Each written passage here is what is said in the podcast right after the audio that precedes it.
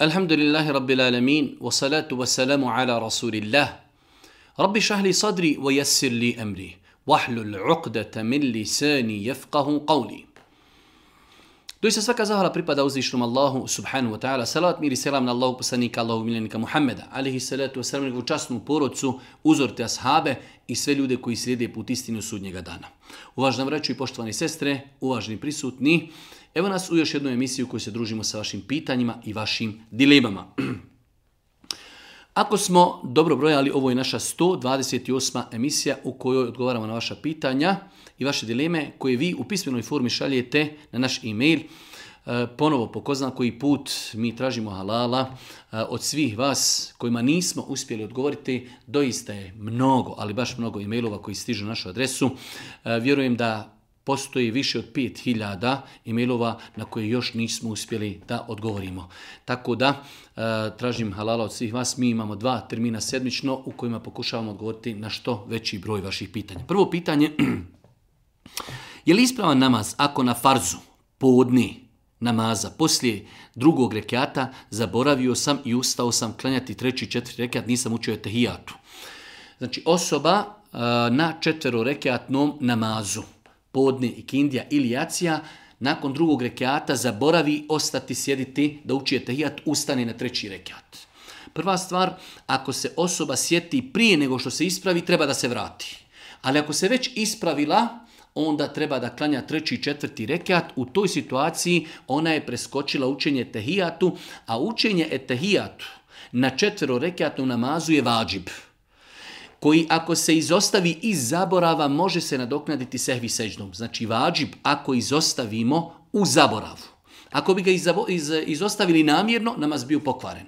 Ako ga izostavimo u zaboravu, kao što je ovdje slučaj, onda ćemo prije selama, kada proučimo etehijatu, nakon četvrtog rekiata etehijatu, salavate, dovu, prije selama ćemo učiniti dvije, sehvi, dvije seđde i nakon toga predati selam, iako Bog da naš namaz je validan i ispravan, sve to nam je potvrđeno vjerodostojnim hadisima Allahu poslanika ali se nam Moj muž i ja uskoro planiramo otvoriti trgovačku radnju, trgovinu odjeći, pa nas zanima da li je istina da se kupljena roba ne smije prodavati po cijeni koja je tri puta veća od nabavni.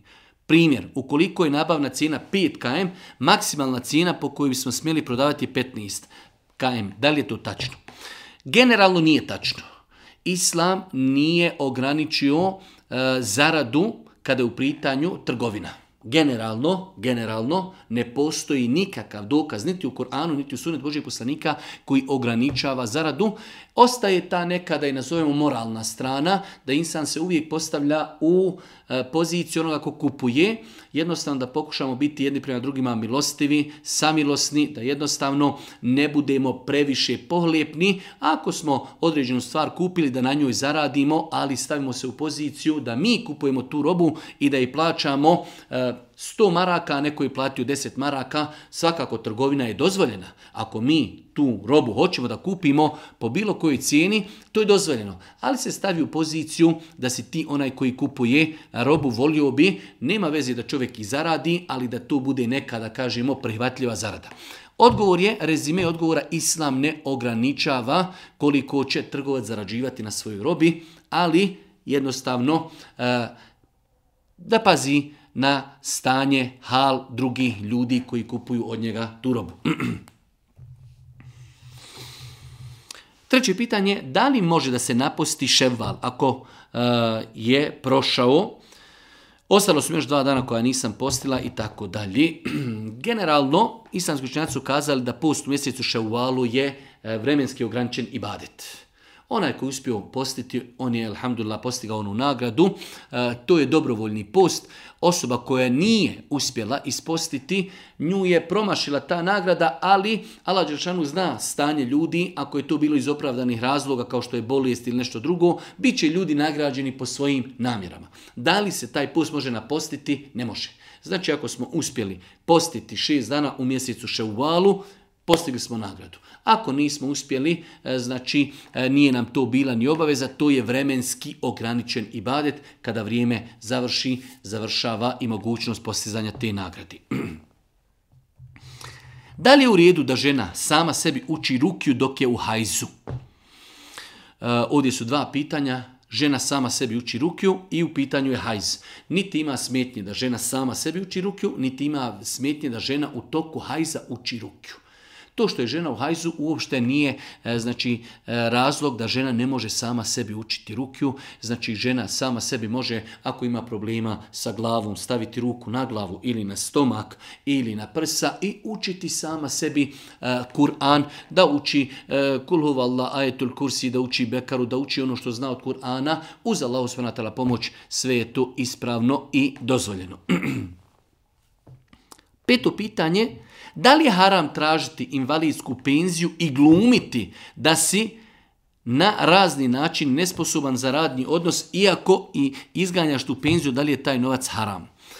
Ako čovjek se lažno predstavi svoje stanje, svoj hal, e, E, i lažno dobije, odnosno dobije nešto što ne zaslužuje, definitivno da je to haram, da je to varanje i novac kojeg dobiva je prevara i haram. Tako da, e, ako je u pitanju e, traženje penzije invalidske, čovjek treba da bez ikakvih e, pretvaranja ode i kaže svoje stanje. Uradi nalaze, e, odgovori na pitanja koje mu doktori postavi, e, ispitivanja koja uradi treba da u njima bude iskren. Oni ako procjeni da je on za te penzije ili ima toliki procenat, on će to i prihvatiti, a ako procjeni da ne može da dobije, on će i to prihvatiti, ali lagati, pretvarati se, lažne odgovore davati, sve je to pretvaranje, sve je to E, varanje, sve je to zabrajno i svakako da imetak kojeg bude uzimao e, nakon toga da je imetak haram, e, stečen na haram način. Da li u islamu može da se kaže polubrat ili polu sestra ako nisi od iste majke i oca? Čula sam da se ne smije reći tako, već se mora kazati brat i sestra. Eh, ako bi za polu brata, kak, takav je termin poznat u našem jeziku, kazali da nam je brat i sestra, gdje je onda razlika između onoga ko nam je brat i po majci i po ocu i onoga ko nam je samo brat ili po majci ili po sestri. U arapskom jeziku imamo, Arapi kažu el ah es brat sa očevi i majčini strani, i imamo ah li um, ah li eb. Imamo brata po majci, brata po eh, ocu. U našem jeziku ustaljen je termin polubrat ili polusestra i ja ne vidim ništa sporno u tome da se koristi taj termin kako bi se napravila razlika. Jer nemoguće da je na istom, znači da kažem ovo mi je brat i ovo mi je brat. A ovo ti je brat i po majci i po ocu, a ovo ti je brat samo po majci ili po ocu. Ili ćemo kazati ovo mi je brat po majci ili ovo mi je brat po ocu ili ovo mi je sestra po majci ili ovo mi je sestra po ocu. Ili ćemo kazati ovo mi je polubrat.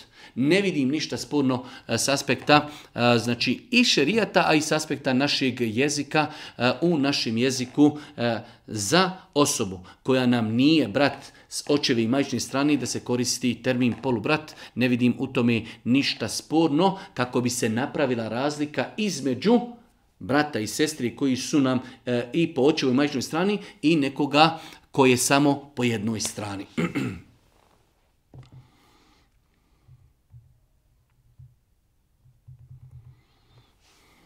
Imam jedno pitanje, moja čirka je isprošena i dobila je dozvolu od svog oca da se uda. Da li joj je grijeh da se viđa sa svojim izabranikom i dalje dok se, dok se, dok se znači još nije vjenčala? E, osoba koja je isprošena e, znači da je dobila saglasnost od oca da se uda, ali još nije došlo do vjenčanja. Sve dok ne dođemo do vjenčanja, te dvije osobe su jedna drugoj haram. E, sad ako imaju potrebu da se vide, da kontaktiraju, da dogovaraju svadbu, e, određene stvari o braku i tako dalje, oni trebaju da to radi e, na način da se ne osamljuju. Da li će e, sa njim biti neko sa njegove strane ili neko sa njene strane ili eventualno ako imaju potrebu u granicama potrebe da se čuju putem telefona ili dopisivanjem bez bez emocija, bez e, znači nekih ljubavnih poruka. Nadamo se išlo da je to sve dozvoljno, ali nema osamljivanja, nema dodirivanja, nema vodin e, da se drži za ruku, nema poljubca, nema intimnog kontakta. Oni su do vjenčanja jedno drugome zabranjeni, a u granicama potrebe da se s na vrijeme vide, da razgovaraju e, o tema koji su im bitne, ali je bitno da se ne osamljuju niti da se dodiruju.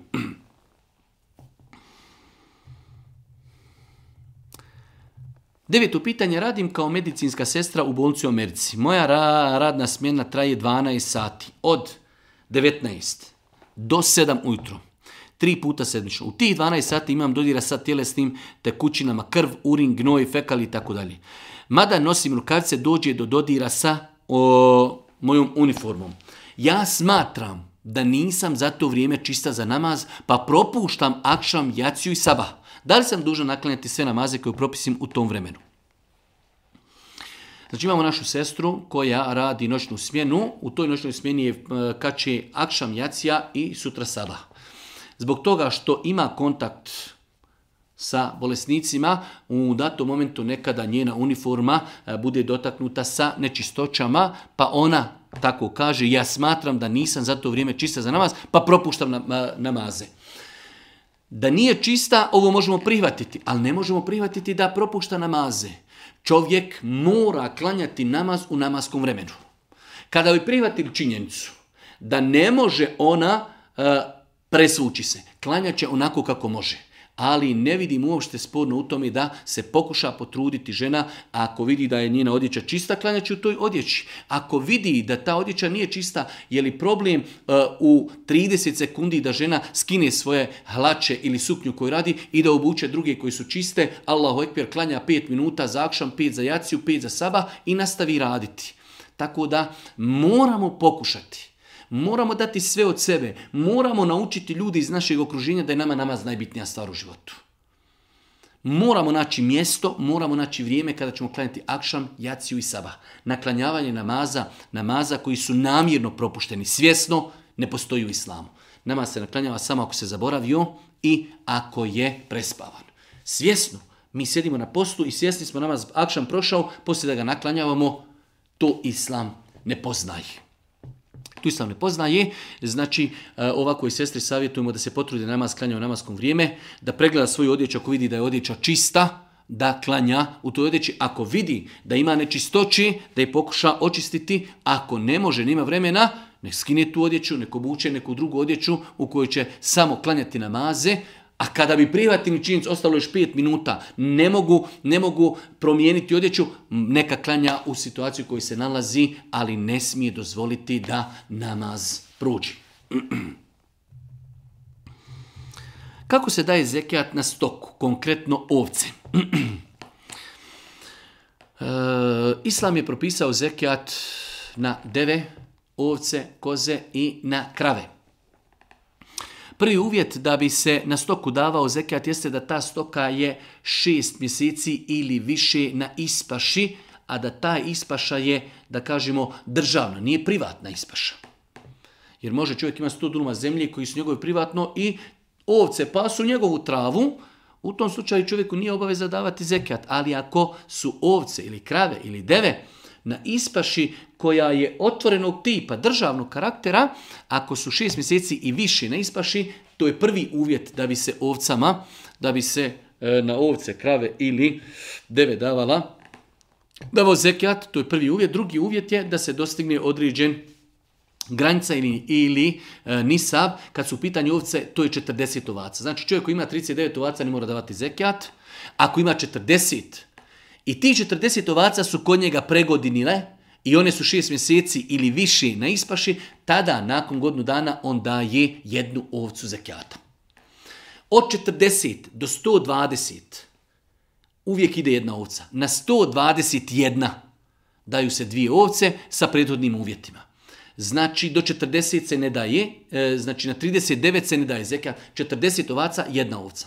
Od 40 do 120 sve jedna ovca, na 121 ovca, ako imamo 121 ovcu i godinu dana su kod nas i šest mjeseci su na paši, tada dajemo dvije ovce i onda nastavljamo e, znači e, dalje davati e, zekijat, davati zekijat na ovce.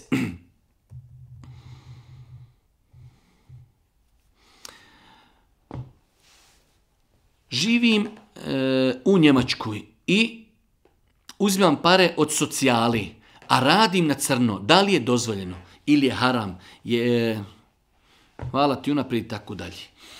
E, znači osoba kaže da živi od socijalne pomoći u Njemačkoj, ali u svemu tome radi na crno. Da li je to dozvoljeno ili ne? Ne znam kakvi su zakoni u Njemačkoj, ali mislim da osoba koja uzima socijalu da ne može raditi na crno. Ako su to uvjeti državi, onda znači insan treba da se pridržava toga. Pravilo velikog glasi ako čovjek uzima od nekoga nešto na poklon. Socijala je poklon. Mora ispuniti uvjete koje je taj neko postavio da bi ti taj novac mogao dobiti. Pa ako tamo u zakonu kaže ako uzimate socijalu ne smijete raditi na crno, onda čovjek treba da se toga pridržava. Treba da se pridržava ili će raditi pa neće više dobivati socijalu ili će dobivati socijalu i pridržavati se zakona. Ja ne znam zakon, ali kažem, e, treba pogledati u zakone. Ako zakon ne dozvoljava osobi koja prima socijalu da radi na crno, onda se insan toga treba pridržavati jer je pravo onoga koji ti daje nešto na poklon da ti uvjetuje. Ti ako hoćeš da se pridržavaš toga, dobit ćeš novac. Ako ne želiš da se pridržavaš toga, znači nemaš pravo da uzimaš ono što ti je znači, neko dao pod uvjetom. Treba se pridržavati onoga e, što čovjek prihvati od uvjeta. Moje pitanje je da li je dozvoljeno muškarcima da nosi uske hlače i tako da je jedno baš duže pitanje. U svakom slučaju, e, jesmo mi e, iskušani u zadnjih nekih možda i deseta godina, baš je nastupio jedan trend i moda gdje muškarci, čak vjernici, ljudi u džamijama nosi izuzetno uske hlače. Kakav je propis nošenja uskih hlača? Islamski učenjaci su kazali da je čovjek vjernik ovaj za da pokrije avrete. To je prva stvar. Avreti se moraju pokriti nečim što nije prozirno. Jer prozirna odjeća se ne smatra pokrivanja avreta. I druga stvar, da ne oslikava jasno znači eh, obim i da ne oslikava, da ne oslikava eh, avrete čovjekove. Nažalost, u velikom broju slučajeva ćemo vidjeti da omladinci nosi toliko tjesne hlače da se jasno oslikava i stražnica, da se oslikavaju kukovi, da se oslikavaju stegna, da se oslikava eh, spolni organ. Tako da sve ovo u slučaju ako preko tih hlača ne nosimo nešto što to prekriva, kao u slučaju kada bi čovjek nosio neku košulju koju nije strpao u hlače. Tako da, e, znači, e, minimalno što se može kazati da je nošenje takve odjeće mekruh i pokuđeno, a dio učenjaka je smatrao da je to i haram. Nositi usku odjeću koja ocrtava avrete, Makar ti avreti bili pokriveni, smatrali su da je to zabranjeno. Tako da vjernik musliman, pogotovo osoba koja dolazi u džamiju, tako staje pred Allaha te barakatala, trebala bi da pazi da nosi odjeću koja je široka i koja ne oslikava, koja ne oslikava avrete.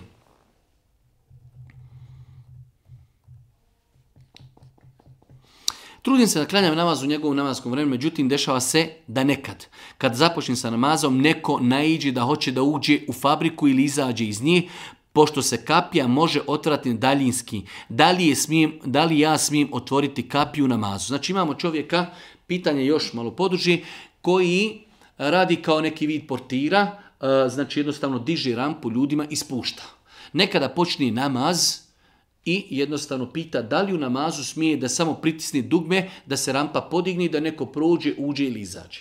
E, mi ovdje govorimo s aspekta islama, a s aspekta znači, obaveze tog radnika, neka taj radnik e, pita onoga kome je nadležan. Što se tiče islama, nema ništa sporno da čovjek započne namaz, i ako vidi da neko želi da izađe ili uđe s autom, da on samo pritisne dugme i da se podigne rampa i spusti, s aspekta islama to je dozvoljeno. Znači, kažu islamski učenjaci, ako čovjek u namazu uradi malehno djelo i nije kontinuirano i ima za njim potrebu, to ne kvari namaz. Poslanik Ali Selam je klanjao farz namaz, u farz namazu je nosio svoju unuku u mamu, u farzima, i svaki put kada bi išao na sežnu, spuštao bi je pored sebe, ponovo kada bi ustajao na namaz, ponovo bi je uzimao. Pazite koliko je tu pokreta, uzmeš dijete, držiš ga, spustiš ga, opet ga uzmeš, spustiš, uzmeš i tako četiri rekiata i svakako Boži poslanik e, kao naš uzor klanja farze i farz namaz isprava. E, mnogo je manje da čovjek klanja i pored sebe ima neki daljinski dugme i samo ga pritisne i krampa se digne, čovjek prođe. E sada, da li je to u granicama njegovog posla? Ko ulazi, ko izlazi, da li on mora kontrolisati ko je ušao, ko nije, to je nešto drugo. Mi u to ne ulazimo. Mi ulazimo samo s aspekta islama i propisa da li je isprav njegov namaz, njegov namaz isprav. Ako čovjek vidi da neko želi da prođe i on samo pricne dugme u namazu, rampa se podigne, znači to je aspekta islama, namaz njegov je validan. Da li on to na poslu može tako raditi ili ne, da li mora kontrolisati ko je ušao ili izašao, to je već drugo pitanje. Moje pitanje je vezano za vremensku prognozu, da li je nama kao muslimana dozvoljeno praćenje iste, pošto nam je striktno zabrano povoditi se za bilo kakvim sredstvima e, predviđanja budućnosti. Dozvoljeno muslimanima da prati vremensku prognozu e, iz dva razloga. Prva stvar, vremenska prognoza. Prognozirati znači pretpostaviti. Niko nije kazao sutra će 100% biti tako. To je prognoza. Svi znamo što znači riječ prognoza u bosanskom jeziku. Predviđanje.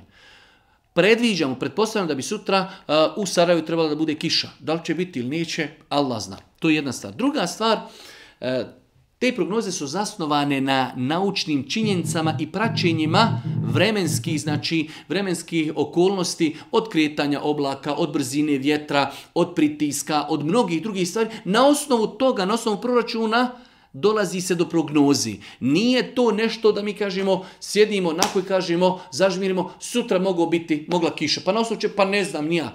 To je već ulaženje u gajb.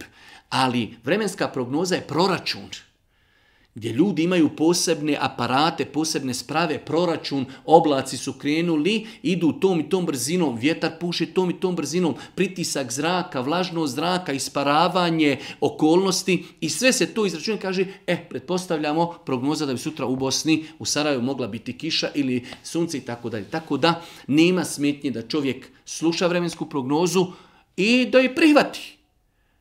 A svi znamo da se zna veoma često desiti da kažu sutra kiša, ono bude sunce, oni kažu sutra sunce, ono bude kiša i tako dalje, zato što je to prognoza. Zanima me da li je dozvoljeno igrati ša u pare sa prijateljima i tako dalje.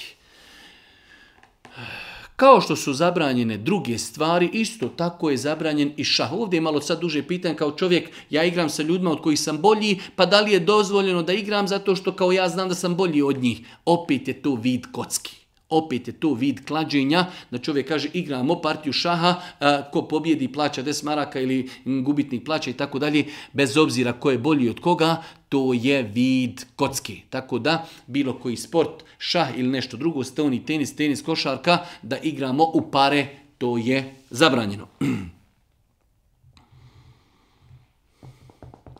Naime, u vremenu popodnevog odmora od napornog dana poslije Kindije pustim suru Bekara, odslušam je do kraja, mašala. mi stikfar i do hiljadu puta uh, u tim trenucima odmora, ali i zapalim koju cigaru u tim trenucima. Da li su ta moja dijela i badeti uh, propali zbog tih cigara? Znači vidite mašalo, čovjek u popodnevnom odmoru prešao cijelu bekaru i do hiljadu puta kaže stakfirula, ali i zapali cigaru u tomi. Da li su ta njegova dijela primljena ili ne? Inšala biznila ova djela nemaju e, nikakvu uzračnu posljedičnu vezu sa njegovim duhanom. Duhan je haram. On je poslušao suru Bekara, što je sevap samo za sebe, izgovoriti hiljad puta i stikvar je sevap sam za sebe. Ali ima nešto što je nelogično, a to je govorim hiljadu puta estagfirullah, estagfirullah, Allah oprosti, Allah oprosti, Allah oprosti i onda svjesno zapalim cigaru. Ima malo kontradiktornosti, ali ibadet, kao ibadet mi se duboko nadamo da su inšala, biznin i primljeni kod uzvišnog Allaha, čovjek će biti nagrađen za ibadet koji je činio slušanje Kur'ana, za zikr koji je činio, a bit će griješan i pitan za haram i za grije koji činio konzumirajući, konzumirajući, konzumirajući duhan. 17. pitanje, kada tačno počinje noći namaz? Negdje sam proštala nakon akšav namaza, negdje piše poslijaci. E, Allah najbolje zna islamski učenjaci kažu e, u islamu dan počinje akšam namazom. Znači, zalazi sunce, nastupa novi dan i samim time je nastala noć. Znači, zalaskom sunca nastupila je noć. Samim tim i na fila koja se obavlja između akšama i jacije smatra se e, vid noćnog namaza i noći na fili. Tako da e, osoba koja klanja na filu između akšama i jacije, po mišljenju islamskih učenjaka, ibadetila je noćnim ibadetom, noćnim namazom. Imam pitanje, da li je primljen e, namaz osobi koja radi u kafiću, to jest prodaj alkohol. Allah vas nagrađu. E, namaz je stroga obaveza svakom punoljetnom muslimanu, bez obzira šta on radio. Čovjek koji radi u kafiću i prodaje alkohol, to što radi je haram ali su dva harama da prodaje alkohol i da ne klanja namaz. Pa ako ćemo birati između osobe koja prodaje alkohol i klanja, između osobe koja prodaje alkohol i ne klanja, svakako da je bolja osoba koja klanja i molimo Allah da je oprosti ono što radi, ali da ukabulio namaz.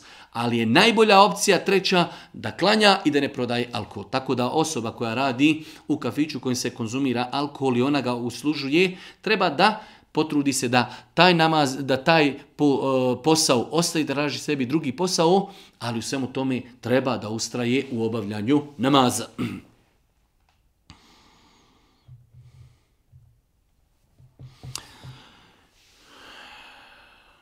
Uvaže, uvaženi, majka sam djeteta koji kreće u školu, ženskog djeteta na svako malo čitam kako posebno djevojčice treba odgajati da budu u potpunosti materijalno neovisne kad stasaju o bilo komi.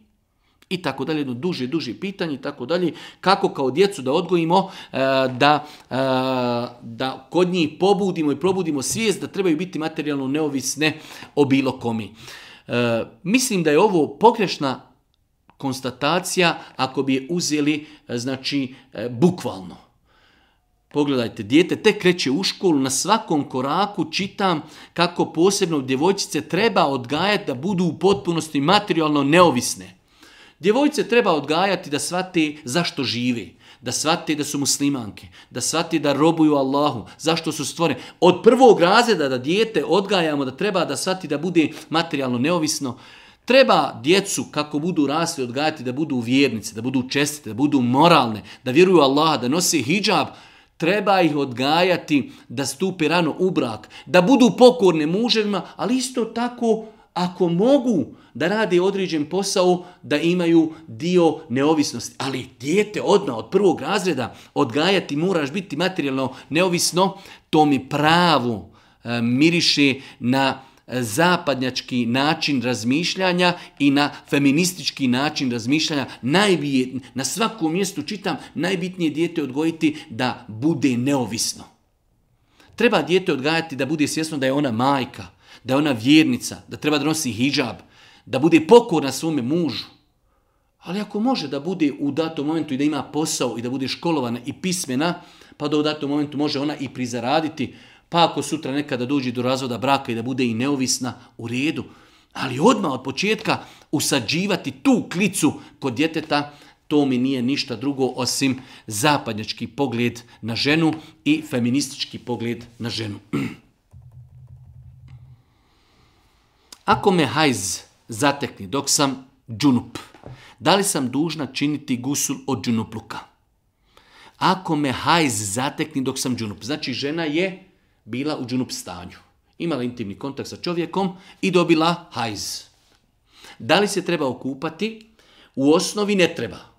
Jer će kada završi hajz, okupat će se i samim tim kupanjem ona će e, postati čista i od hajza i od džunupluka. Iako su kažali islamski učenjaci, ako bi se okupala, ona će imati jednu privilegiju, a to je džunup osobi, po mišljenju džumhura, nije dozvoljeno učiti Kur'an. Za razliku od žene u hajzu. Tako da žena, moramo samo malo biti pažljivi, žena je bila u džunup stanju i dobila hajzu. Ima li kakve koriste ako se okupa? Ima. Ako se okupa, ona je i dalje u hajzu, ali je otklonila od sebe džunupluk, može učiti Kur'an. Ako se ne bude kupala do kraja hajza, ona ne treba učiti Kur'an, jer po mišljenju četiri pravne škole žena i muškarac dok su u džunup stanju ne trebaju učiti Kur'an. Da li je obaveza se kupa? Nije obavez. Ali ako želi da uči Kur'an, onda treba da se okupa. Nadam se, razumio, ali ponavljam još jednom, žena koja je bila u džunup stanju. Imala intimni kontakt s čovjekom i nakon toga nije se okupala, dobila je hajz. Ona ima dvije nečistoće. Ona je džunup i ona je u hajzu. Nakon hajza će se kupati od hajza, ali može se trenutno kupati da namjerava, želim da očistim se od džunupluka. Kako će korist od toga dobiti? Dobit će korist da može učiti Kur'anu. Jer dok je žena ili muškarac u džunupluku, po mišljenju četiri pravne škole ne može učiti Kur'an. Tako da ako se okupa, ona može učiti Kur'an, a kad završi sa hajzom, kupat će se od hajza. Esalamu alaikum, moje pitanje hitno. Ove godine planiram nahađ sa svojim mužem, pa me zanima da li mogu obavljati obrede hađa ako se potrefi da sam u mjesečnici.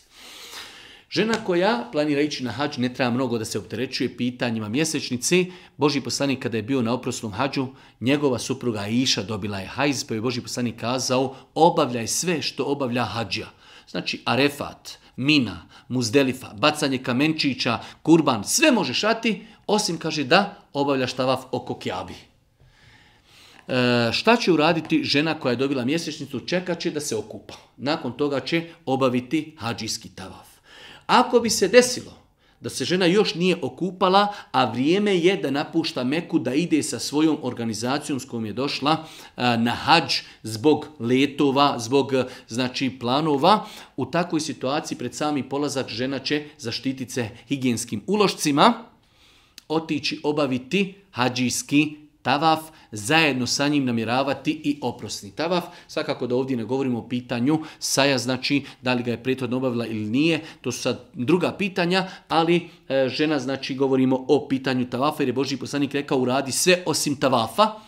Ako se okupa, uradit će tavaf nakon kupanja. Ako se ne okupa, a vrijeme im je da idu, onda će žena zaštiti se higijenskim ulošcima i otići obaviti tavaf, bez obzira što je u hajzu i tim tavafom će urati dvije stvari i hađijski tavaf urati i oprosni tavaf.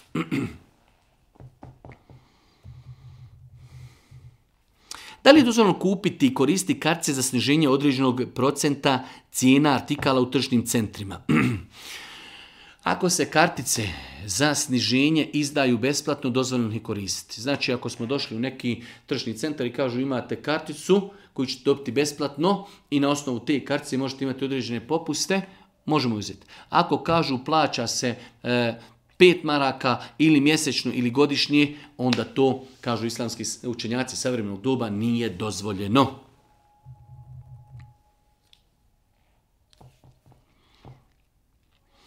Trenutno renoviram stan i za određenje poslove sam dogovorila, e, dogovorila sa firmom radovi, uplatila avans 50% od ukupne cijene. Poslije su mi tražili 20% i opet sam uplatila kada bi e, ostalo ću platiti kada ga kompletiraju sve rade. Rok za izvedbu radova je bio 40 dana, a prošla su 4 mjeseca od dogovora. Oni još uvijek ništa nisu radili i tako dalje. E, moje pitanje je da li je grijeh ako ja pri završetku radova ne isplatim sav novac zbog njihovog kašnjenja? U islamu postoji nešto što su islamski učenjaci spomenuli kao šartul džeza. A to je nešto u ovim terminologijama savremenog doba kao penali ili kazneni, e, kazneni penali, kaznena odredba, kazneni uvjeti.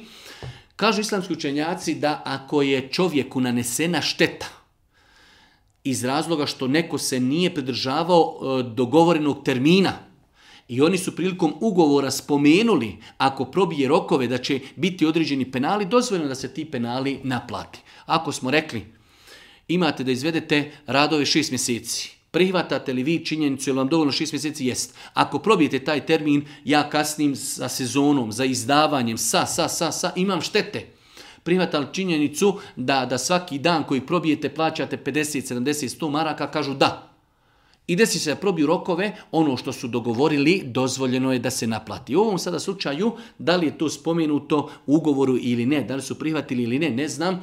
E, mislim da treba tražiti neki kompromis da se jednostavno pozove e, određena osoba koja je autoritet, da se pozove institucija, se kaže u redu, probili ste rok, e, e odbit će vam se takvi su, da kažemo, pravila, e, odbili, toliko ste probili rok, odbit će vam se 5%, 10%, e, kolika je stvarna šteta da se odbije od onoga što su dogovorili, to je u islamu ispravno, kao što smo spomenuli, pod uvjetom, znači, e, generalno gledajući na ove šartul penale, treba da budu dogovoreni prilikom sklapanja ugovora da insan ima stvarnu štetu da ima insan stvarnu štetu od kašnjenja i e, da ti penali budu e, kao stvarnost šteti. Ne da čovjeku sada e, za deset dana kašnjenja naplatimo sve ono što toliki penali da budu, da su veći od svega onoga što je on zaradio radići kod nas pola godine ili godinu dana, da to bude znači normalna procjena šteti i stvarna procjena šteti. U takvim situacijama je to dozvoljeno. Da li je dozvoljeno uzimati kredit u islamskim bankama? Da li ima tu kamati u plaćanju tih administrativnih usluga koje oni naplaćuju? u velikom broju slučajeva ljudi e, uzimaju e, nešto što je neispravno, e, a to opravdavaju administrativnim uslugama. Islamski učenjaci su kazali ako su u pitanju administrativni troškovi, ako nisu vezani za vrijeme niti za svotu novca, oni su dozvoljeni. I ako su e, opravdani. Ne mogu, šta ja znam, administrativni troškovi biti ako sam, dizne, ako sam uzeo kamatni, ako sam uzeo kredit 10.000, kaže administrativni troškovi 3.000. Nisu ti administrativni troškovi e, prihvatljivi, nisu realni. Ali ako nam druga banka kaže da, to su administrativni troškovi realni, i e, plaćanje radnika ili plaćanje usluge ili rentanje prostora u kojem se nalazi onaj ko nam daje kredit, ako su ti administrativni troškovi realni, ako nisu vezani za svotu novca i ako nisu vezani za vrijeme. Šta znači za svotu i vrijeme? Pa ako se kaže, e, ako uzimaš 5000, plaćaš toliko, ako uzimaš 10, plaćaš toliko, onda je to već vezano za svotu. To nije ispravno. Ili ako se kaže, ako uzmaš na mjesec je toliko, ako uzmaš na tri mjeseca je toliko, opet se povećava, samim tim to ukazuje da je to kamata samo nazvana drugim imenima. Administrativni troškovi islamski učenjaci su dozvolili ako su stvarni i ako nisu vezani niti za svotu novca, niti za vrijeme e, znači vraća na pozajmici.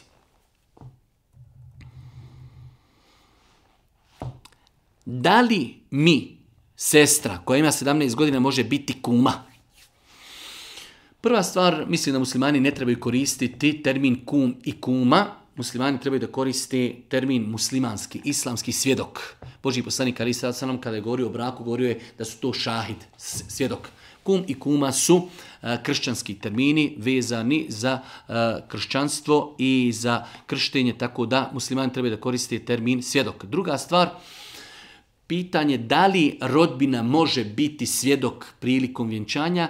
Velik broj učenjaka je smatrao da uža rodbina, totalno uzlazna i silazna loza, da ne trebaju biti e, e svjedoci prilikom vjenčanja, ali e, inšala ne postoji dokaz koji to zabranjuje. Znači rodbina može biti svjedok na vjenčanju. Sada ostaje pitanje da li može zato što je žensko.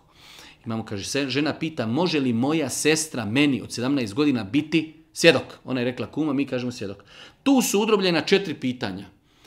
Prva stvar, 17 godina, žensko, rodbina. Rekli smo rodbina, rođaci mogu biti jedni drugima svjedoci. Moraju biti povjerljivi, moraju obavljati namaz. 17 e, godina, već je to granica punoljetstva i to je u redu. Ostaje pitanje žensko.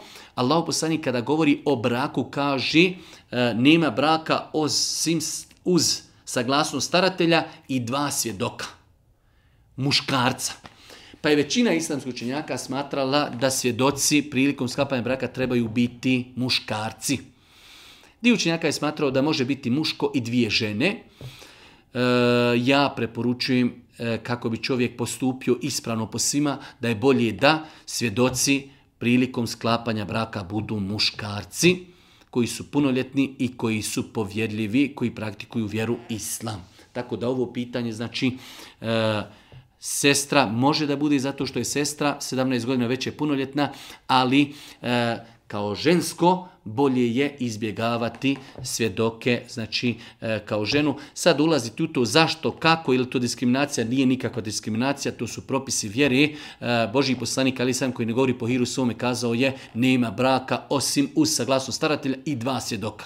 Poslanik ne govori po hiru svome, dva svjedoka, povjerljiva dva svjedoka i brak je ako Bog da validan.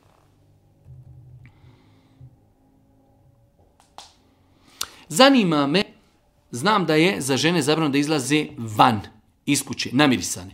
Pored svega ostalog što privlači pažnju. Ali me isto tako interesuje da li i za muškarce važi isti propis, tako jedno duže pitanje. Pitanje kao ako je ženama zabranjeno da izlaze namirisane kako, zato što mogu u nekome biti izazov, je li muškarcima zabrano? Nije muškarcima zabrano da izlazi iz kuće namirisani. E, postoji ogromna razlika između muškarca i žene. Zato je Allah Đeršanu ženu stvorio u jednom drugom obliku.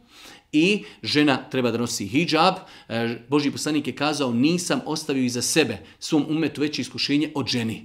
Tako da je Allah poslanik koji ne govori po hiru sume kazao da žena e, e, zabranjuje ženi da izlazi iz kuće namirisana. To nikako ne znači ne treba da vodi evidenciju o ličnoj higijeni, ali baš je specifično propis spomenuo za ženu. Muškarcima je dozvoljeno da izlaze iz kuće na mirisanji i najbitnije je da se naučimo prihvatati propise onako kako ih je pojasnio Allah poslanik alihi salatu wasalam. Da li je dozvoljeno postiti na filu svaki dan? da li je dozvoljeno kontinuirano postiti? Ako se misli kontinuirano tokom cijele godine, to je zabrajno. Jer imamo dane kao što su Bajrami i određeni još drugi neki dani kada je zabrajno postiti, dok ako se misli da li je dozvoljeno postiti sve dane u kojima je dozvoljeno postiti tokom godine, e, dio učenjaka je to smatrao zabranjenim, ali Allah najbolje zna ne postoji dokaz koji to jak dokaz i jasan dokaz koji to zabranjuje. Tako da e, nema smetnje da čovjek tokom godine posti tokom, cijelu godinu izuzimajući dane kada je zabranjeno postiti. To znači oko toga ne razgovaramo, ali iz e, rahmeta i milosti prema robovima, Allah poslanik je kazao najbolji post kojeg čovjek može postiti jeste post Davuda ali selam. Ko želi nešto najbolji, najbolji vrhunac u postu je da čovjek posti post se ali selam, da dan posti, da ne posti. Tako da postiti svaki dan mimo dana koji su zabranjeni je dozvoljeno. Ali je bolje ne činiti to, već je bolje ko već hoće da posti mnogo, da posti dan, dan posti, dan ne posti. To je najbolji vid posta u islamu. Htio sam vas pitati, pitanje koji se tiče sjeći oraha. Stari ljudi kažu kako je haram sjeći stablo oraha i da to ne valja. Da li možete pojasniti tako dalje? E, klasično standardno sujevjerje ne postoji nikakav dokaz u islamu, osnovu koji bi kazali da je zabranjeno ili sporno ili, ili, ili vezanje e, nešto E, sjeći orahe, potkresivati orahe, bilo šta vezano za e, sjeću oraha, ne postoji nikakav validan širijski dokaz, tako da to nije ništa drugo osim naše standardno klasično sujevjerje, a mnogo je, mnogo je stvari koje smo mi čuli od drugih, od starina, a koji nemaju nikakvo temeljenje u islamu, koji otežavaju ljudima život, a kojih se ljudi, nažalost, u Eh, određenom broju slučajeva i kako žestoko pridržavaju mnogo žešći nego ono što je standardno klasično u islamu više se pridržavaju e, e, rezanja nokata, kosi ili određenih stvari nego obavljanje namaza, posta, zekijata i tako dalje. E, predzadnje pitanje, islamski stav u vezi halal i metka koji je neko dobio posao na osnovu korupcije mita ili na osnovu vezi. Da li je takva plata halal? Či znači, imamo čovjeka dobio je posao zato što je nekom platio mito da dobije posao. U ovom pitanju imamo nekoliko pitanja. Prva stvar, davanje mita onda kada čovjek ne može dobiti svoje pravo osim mitom. Čovjek zna da je kompetentan i zna da je najbolji od svih onih koji kandidiraju, ali zna da će neko drugi dobiti posao zato što je neko dao mito. U takvoj situaciji čovjek koji je dozvoljen da da mito kako bi dobio svoje pravo. Ali ako je siguran da je on najbolji kandidat i da je kompetentan. To je jedna stvar. Druga stvar, ako je čovjek dao mito, samo da dobije posao ne znajući za druge ljude ko je kompetentan, ko nije kompetentan, uradio je na taj način haram. Allah poslanik ali sam kaže, proklet neka je onaj koji daje mito i ko uzima. Pa dati mito da bi dobio nešto što ne zaslužuješ je u islamu haram. E sada ostaje plata. Kažu islamski učenjaci, ako insan dadne mito da dobije neki posao, gledamo u situaciju. On je uradio haram, treba da se pokaje i oko toga više ne govorimo, da neko ne pomisli da se poigramo s propisima. Uradio je haram, napravio je prekršaj. Ostaje pitanje da li je kompetentan. Ako je čovjek kompetentan da radi posao kojeg je dobio na neispravan način, njegova plata je halal, jer on nju zarađuje kompetencijom. A haramu je i grijeh je što je to postigo na neispravan način, ali njegova plata je halal. Ali ako čovjek je dobio posao korupcijom, mitom, a ne zna to raditi, e onda, onda je problem, znači njegova plata nije halal zato što on je dobiva, a nije kompetentan za obnašanje tog posla. Posljednje pitanje, čula sam da će jedini pas koji će ući u džennet biti pas koji se spominje u suri Kef. Da li je to tačno? Znači imamo suri Kef, Allah Žešan kada govori o onoj skupini mladića, e, da su se e, izdvojili od svoga naroda i da je sa njima bio jedan pas. Pa pitanje je da li postoji dokaz koji ukazuje da će samo u džennetu biti pas od te skupine momaka koji spominju u suri Kef.